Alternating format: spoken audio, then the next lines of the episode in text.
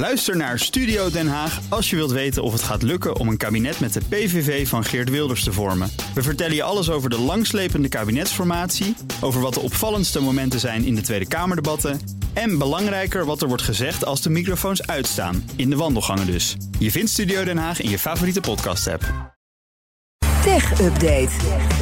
En daartoe is aangeschoven Michiel Jurjens. Goedemorgen, Michiel. Goedemorgen, Bas en Iwan. We beginnen even met een cyberaanval bij Boeing. Daar heeft het bedrijf nu zelf ophelding over gegeven. Vertel. Ja, afgelopen weekend was het de Lockbit cyberbende die eh, voor het eerst van zich liet horen. Die zeiden dat ze gevoelige data van Boeing in handen hadden en ze dreigden dat dan openbaar te maken. Boeing wilde toen alleen zeggen, nou, we onderzoeken die claims. Eh, rustig maar even, we horen het nog wel. Nou, vandaag willen ze wat meer zeggen.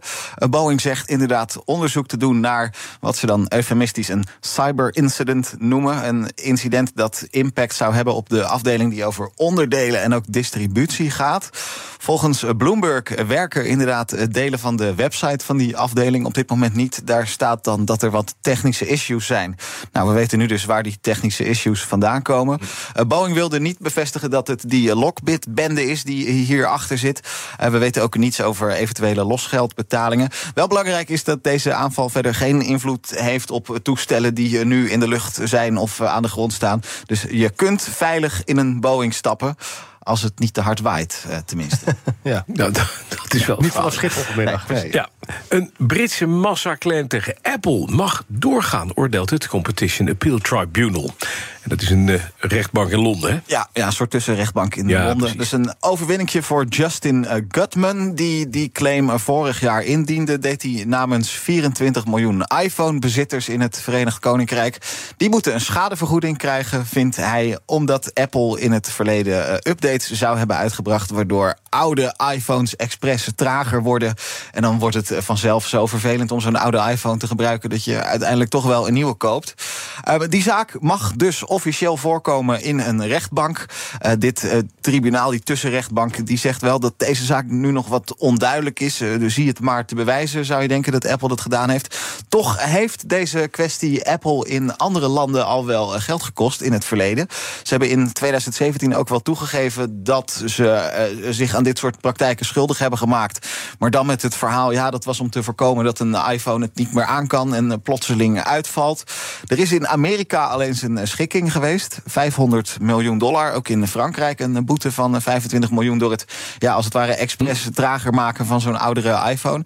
En nu is het dus even afwachten wat er in het Verenigd Koninkrijk gaat gebeuren. Die claimzaak mag in ieder geval doorgaan. Nou, en dan Disney. Die uh, geven weer lekker, lekker geld uit. Ze bestaan 100 jaar, dus ja, dan moet je Ja. een cadeautje kopen. Ja, feest. Voor jezelf. 8,5 miljard dollar hebben ze betaald om 100% eigenaar te worden van streamingsdienst Hulu. En daar waren ze volgens mij al meerderheidsaandeelhouder in. Hè? Ja, daar waren ze meerderheidsaandeelhouder in sinds eh, 2019. Dat was eh, onderdeel van de grote overnamedeal met eh, 21st Century Fox. Daar kwam dan ook het meerderheidsbelang in Hulu kwam daarbij.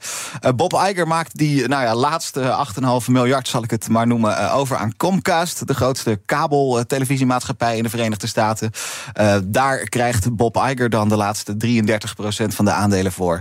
En eh, daardoor worden Hulu en de bijna 50 miljoen abonnees, het is echt wel groot, onderdeel van Disney.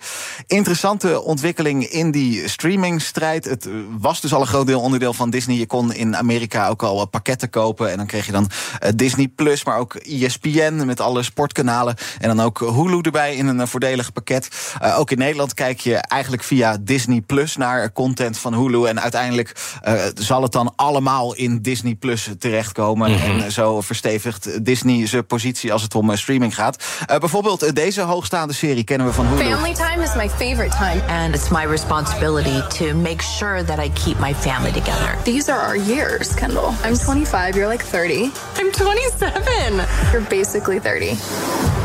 The dynamic has changed. Ja, dus het gaat echt ergens over. Nou, is inderdaad inhoud van hoge klasse. Ja, maar wel Ja. waar heel veel mensen naar willen kijken. Ja, en eh, wat dus commercieel eh, rete interessant is. Nou, met name voor die Kardashians geldt het rete interessant wel. eh, Enorme reet interessant. nou, dankjewel, Michiel Jurjens.